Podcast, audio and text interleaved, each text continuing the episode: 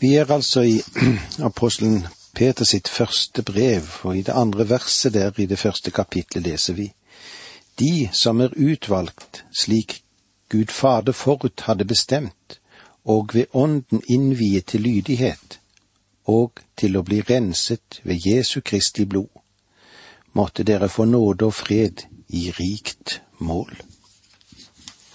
Måtte dere få nåde og fred i rikt mål. Uten Guds nåde så ville vi aldri få kjenne Guds fred. Og dette er ikke bare teorier, og det var òg det Simon Peter fortalte oss om, at det er ikke teori, dette.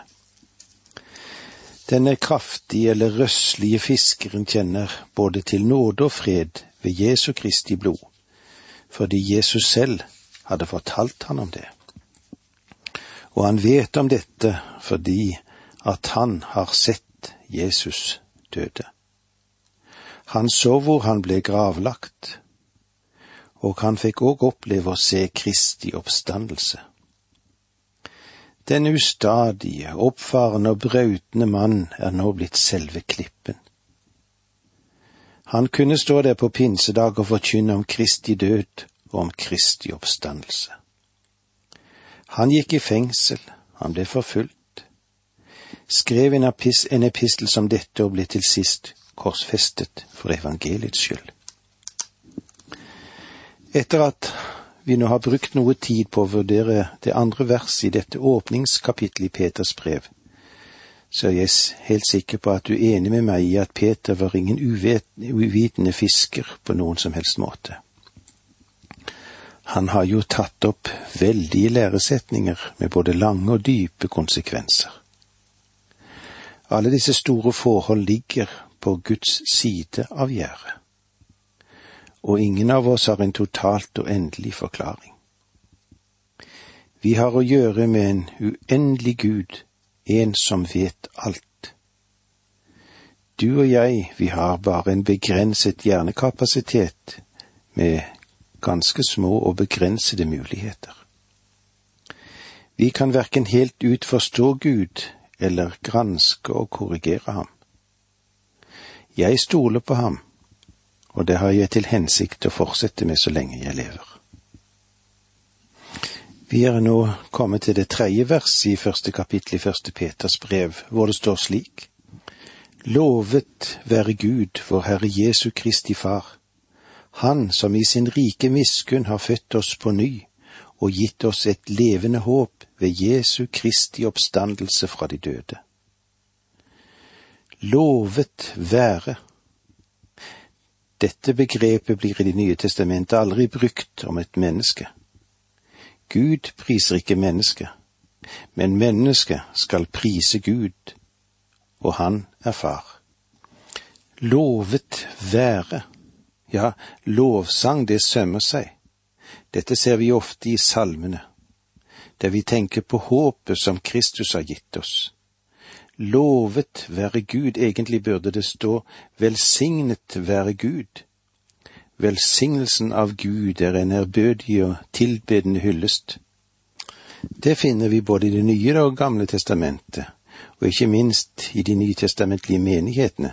De var fylt med glede og jubel, og så bryter det gjennom som en kraft den Gud vi høylover, er Jesu Kristi Far, Han som sendte Sønnen til verden, Han som ved sitt utløsningsverk har vunnet oss til sin eiendom.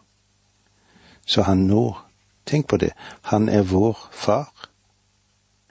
Gud har, ved å opphøye Kristus til herskestillingen ved sin høyre hånd, gjort ham til Herre. Herrenavnet er det særmerkte uttrykk for troen på Jesu Kristi oppstandelse, på Hans helliggjørelse og gjenkomst i herlighet. Han som er Herre over alle. Han er alt nå, tenk han er vår Herre. Med mektig omsorg for oss og råderett over oss. Hans far er også vår far, og han er rik nok for alle dem som kaller på ham. I vår kultur kan vi ofte møte at det er fedrene som priser sine sønner. Det er ikke så ofte vi hører at sønner priser sin far, men vi skal prise Gud, vår far. Gud, vår Herre Jesu Kristi far. Han er Jesu far på en helt unik måte. Husk nå på at Jesus gikk opp denne grensen da han talte til Maria Magdalene den morgen oppstandelsen foregikk. Jeg farer opp til ham som er min far og far for dere, min Gud og deres Gud, som det står i Johannes 20, 17.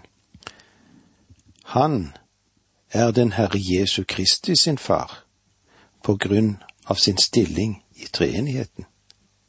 Tenk på det, de er likeverdige. Men du og jeg kaller ham ikke far på annet grunnlag enn det Peter nevner her. Han har født oss på ny. Ordet født har å gjøre med Den hellige ånds gjenfødende gjerning. Har født oss på ny og gitt oss et levende håp. Du og jeg, vi har et levende håp. Et håp som hviler på det faktum at Kristus Jesus er stått opp fra de døde. Og fordi Kristus ble reist opp fra de døde ved Guds ånd, så henviser dette igjen til Den hellige ånds gjerning. Dette er en veldig lovprisning til treenigheten. Dette er vår sang fordi vi er blitt født på ny, som vi òg skal si i vers 23. Ikke i kraft av forgjengelig, men av uforgjengelig sæd, ved Guds levende ord, som er og blir. Legg merke til at det levende håp vi har her, hviler på Jesu Kristi blod. Et legeme uten blod er et dødt legeme. Om det er et levende legeme, vil blodet strømme gjennom det. Du og jeg har i dag et levende håp fordi Kristi blod det ble gitt for oss. Han døde for at vi skulle leve, fordi han betalte straffen. Det er et levende håp ved Jesu Kristi oppstandelse fra de døde. Håpet, det er jo en hovedfaktor i kristenlivet vårt. Det kristne håpet, det er blitt kalt troen som er rettet mot fremtiden. Og slik som en kan tale om levende og død tro, så også om håpet. I motsetningen til et dødt, livløst, matt og maktesløst, bare noe teoretisk håp, er det levende håp noe som er virkelig, eller fylt av livskraft og virkekraft og håpet, det skaper en glad forventning. Det gir mot, og det gir trøst i livsens strid.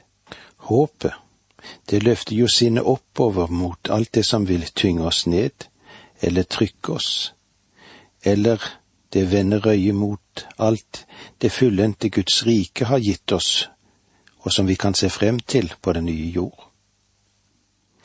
Grunnen til det er at den kristne har et håp som allerede boret igjennom, fordi Gud oppreiste Kristus fra de døde, og han skal triumfere gjennom evigheters evighet for det fullbrakte verk som han har gitt oss.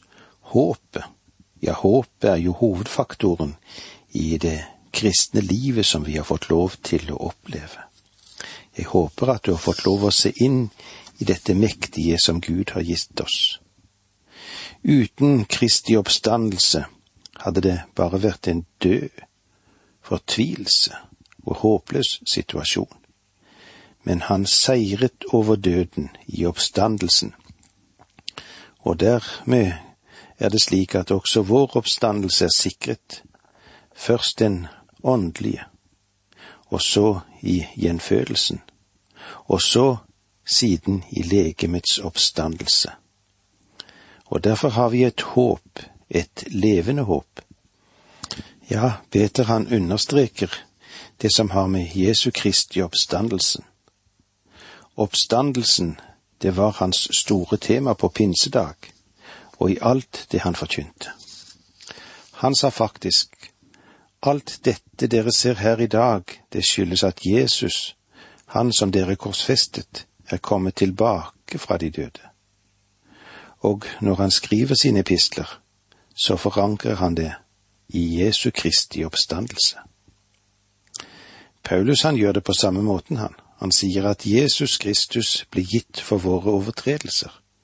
Han døde for våre synder, men han ble oppreist til vår rettferdiggjørelse, for at vi skulle være i Kristus, akseptert i den elskede, i stand til å stå for Guds åsyn. Han tar ikke bare synden bort fra oss, han gir oss sin rettferdighet, Kristi rettferdighet. Og det er dette vi får lov til å ta med oss i dag. Og det var så langt vi kom. Vi vil se hva Gud har gjort for oss for fortiden når vi går videre og når vi møtes igjen. Må så Guds nåde og fred være med deg. Dette undervisningsprogrammet består av to deler. Åge Nevland fortsetter nå med andre del av dagens undervisning. Vi er i Peters første brev i det første kapitlet, og eh, vi vil i dag se på den arven som Gud har skjenket oss gjennom Jesus Kristus. I første Peter 1,4 leser vi slik. Vi skal få en arv som aldri forgår og ikke flekkes til eller visner. Den er gjemt i himmelen for dere. En arv som aldri forgår det betyr at ingen kan påvirke den slik at den forringes. Den kan ikke ødelegges på noe vis. Den befinner seg der hvor møll og rust ikke tærer. Ikke flekkes eller visner. Den er gjemt i himmelen for dere. Denne arven, den har tre vidunderlige egenskaper. For det første er den uforgjengelig. Hva vil det si? Den varer alltid og er evig. Den tar aldri slutt. For i himmelen er det ikke noe som tærer på den, verken møll eller rust. Den er dessuten usmittet. Den kan ikke flekkes til av noe syndig, av noe som er simpelt, eller noe som er urent. Synden får ikke sette sine stygge flekker på den. Den er evig ren. Endelig er arven uvisselig. Det er til forskjell fra alt i denne verden, der alle blomstrer, de blekner. Den kan ikke falme. Arven, den blir aldri gammel og skrøpelig. Den taper aldri sin glans. Så herlig er arven. Den er ikke bare noe som er fremtid i dette. Nei, vi har den jo alt nå. I og med Jesus Kristus. Han er jo til stede i den evige verden. Den er gjemt, oppbevart, i trygg forvaring. Og ingen kan bryte seg inn og røve den og ødelegge den for oss. Skatten i himmelen, som Jesus kaller den, er vel forvart Håpet er gjemt for oss i himmelen. Ikke kan den flekkes til. Det forteller at den arven har ingen negative virkninger som vi ikke vet noen ting om. Vi kan ikke få den illegalt, eller visner. Vi vil ikke engang få den og så oppdage at den er verdiløs slik som kanskje gamle aksjebrever er som det ikke er noen verdi lenger. Ikke det papiret som det er skrevet på en gang, eller visner. Den er gjemt i himmelen for dere. At den er gjemt, det betyr som jeg tidligere sa, at den er beskyttet, Gud har tatt seg av den. Gud Fader, Sønnen og Gud Den hellige ånd tar vare på den for oss. Større trygghet enn det kan ingen av oss eie. Det vil hjelpe oss å sette pris på dette verset om vi husker at Peter har i tankene jødiske kristne som led, og de var under forfølgelse for sin tros skyld. De var tvunget til å forlate sitt hjemland, og når de forlot sitt hjemland, så forlot de òg alt det de eide. Deres forfedre hadde fridd dem ut av Egypt, og under hele ørkenvandringen hadde de håpet om løftets land liggende foran seg. De priste Gud som verdens skaper og deres forløser fra Egypt. Men de troende som Peter skrev til, og nå gjelder det også deg og meg dette, de priser Gud som Fader og Sønnen som kom i kjød, den Herre Jesus Kristus, Han som er hodet for en ny skapning og for den åndelige forløsningen. Han gir oss også det levende håp, et håp som aldri dør. Han har gjenfødt oss og gjort oss til sine barn gjennom sitt nyskapende verk ved Den hellige ånd. Og i tillegg til det så har han altså reservert for oss en arv i himmelen. Ikke på jorden, ikke på jorden, men en arv i himmelen. Denne arven kan ikke smuldre bort eller på noen annen måte forringes, og ingen fiende kan ta den fra oss.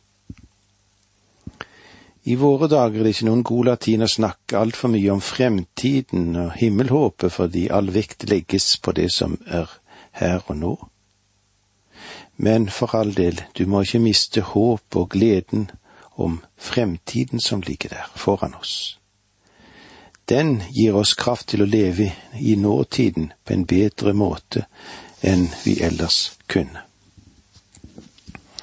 I vers fem her i det første kapittelet leser vi slik, som gjennom Guds kraft blir bevart ved troen, så dere skal nå frem til frelsen. Den ligger alt ferdig til å åpenbares ved tidenes ende. Gjennom Guds kraft bevart understreker at Gud ikke bare har makt til å frelse, men også til å bevare. Bevart er kanskje et av de veldigste ord som vi har foran oss her. Det fortelles om en gammel Herrens tjener at han ba om at det på hans gravstøtte skulle stå navn, fødselsdato og år og dødsdato og år, men nederst skulle det stå bare dette ordet bevart. Han var gjennom Guds kraft blitt bevart ved troen. Paulus sa det samme, som det står i Filippensebrevet 1,6, og jeg er viss på at Han som begynte en god gjerning i dere, skal fullføre den, helt til Jesu Kristi dag. Tror du at Han kan bevare deg? får jeg legge til et utsagn som kanskje kan ryste deg. Du kan ikke leve det kristne livet. Jeg drister meg til å utfordre deg til å vise meg et vers eller et skrift der Gud har bedt deg om å leve det kristne livet. Så langt jeg vet, har han aldri gjort det. Jeg har en gammel natur, selv om jeg også har del i en ny natur og denne naturen vil være med meg så lenge jeg er her på jorden. Av og til tar den overtaket. Alle sammen har vi jo temperament som ikke alltid kan styre, det kan slå ille ut. Til og med til min ektefelle kan jeg si ting som jeg angrer bittert etterpå. Og så må jeg gå og gjøre opp saken med henne. Hun tilgir meg, og det er alltid vidunderlig å få slike ting lagt bort, lagt bak seg. Men fremdeles har jeg nok en del i den gamle naturen, og jeg er sikker på at du har det samme. Og ingen av oss kan endre den gamle natur ved å forsøke å følge visse regler. Den eneste måten du kan leve det kristne livet på, er ved Den hellige ånds kraft, og gjennom det faktum at du blir bevart gjennom Guds kraft helt fram til den dagen du vil stå fri og frelst hjemme i himmelen. Og alt dette har å gjøre med ditt personlige forhold og fellesskap med den Herre Jesus Kristus. Vi kommer nå til nøkkelverset i dette brevet, slik som det står i det sjette verset i første Peter. Derfor kan dere juble av glede, selv om dere nå en kort tid må ha det vondt i mange slags prøvelser om så skal være. Lidelsen og tryggheten hos den troende skaper av alle ting glede, det. Og det kan skje på grunn av den gjerning som den treenige Gud gjør. Gud, vår Far, etter sin nåde har gjenfødt oss, gitt oss en ny natur og et levende håp ved Jesu Kristi oppstandelse fra de døde. Og der fremme har han en veldig arv som venter på oss. Derfor kan dere juble av glede. Juble ved hva? Ved noe godt? Nei, selv om dere nå en kort tid må ha det vondt i mange slags prøvelser. Dette plasserer to ord i kontrast til hverandre. To ord som står som en hel verden fra hverandre. Glede og prøvelse. Peter gir oss årsaker til hvorfor vi kan holde ut prøvelser her nede i dette livet. En kort tid. Prøvelsene vil ikke vare lenge når vi ser de sammenlignet med evigheten. I våre dager legges det altfor mye vekt på våre egne livsforhold som vi har mens vi lever her på jord. Både psykologien og materialismen har sluppet inn i kirker og på bedehusene. Vi blir fortalt at vi må utvikle oss selv til hele og til fulle mennesker.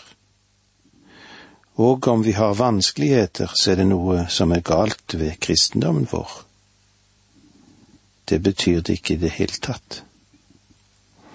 I stedet for hele tiden å se inn i oss selv, drive en form for introinspeksjon, bør vi se utover og oppover til den store Gud vi har, og til den veldige arv som Han har gjort ferdig for oss, for at vi skal ta imot den en dag.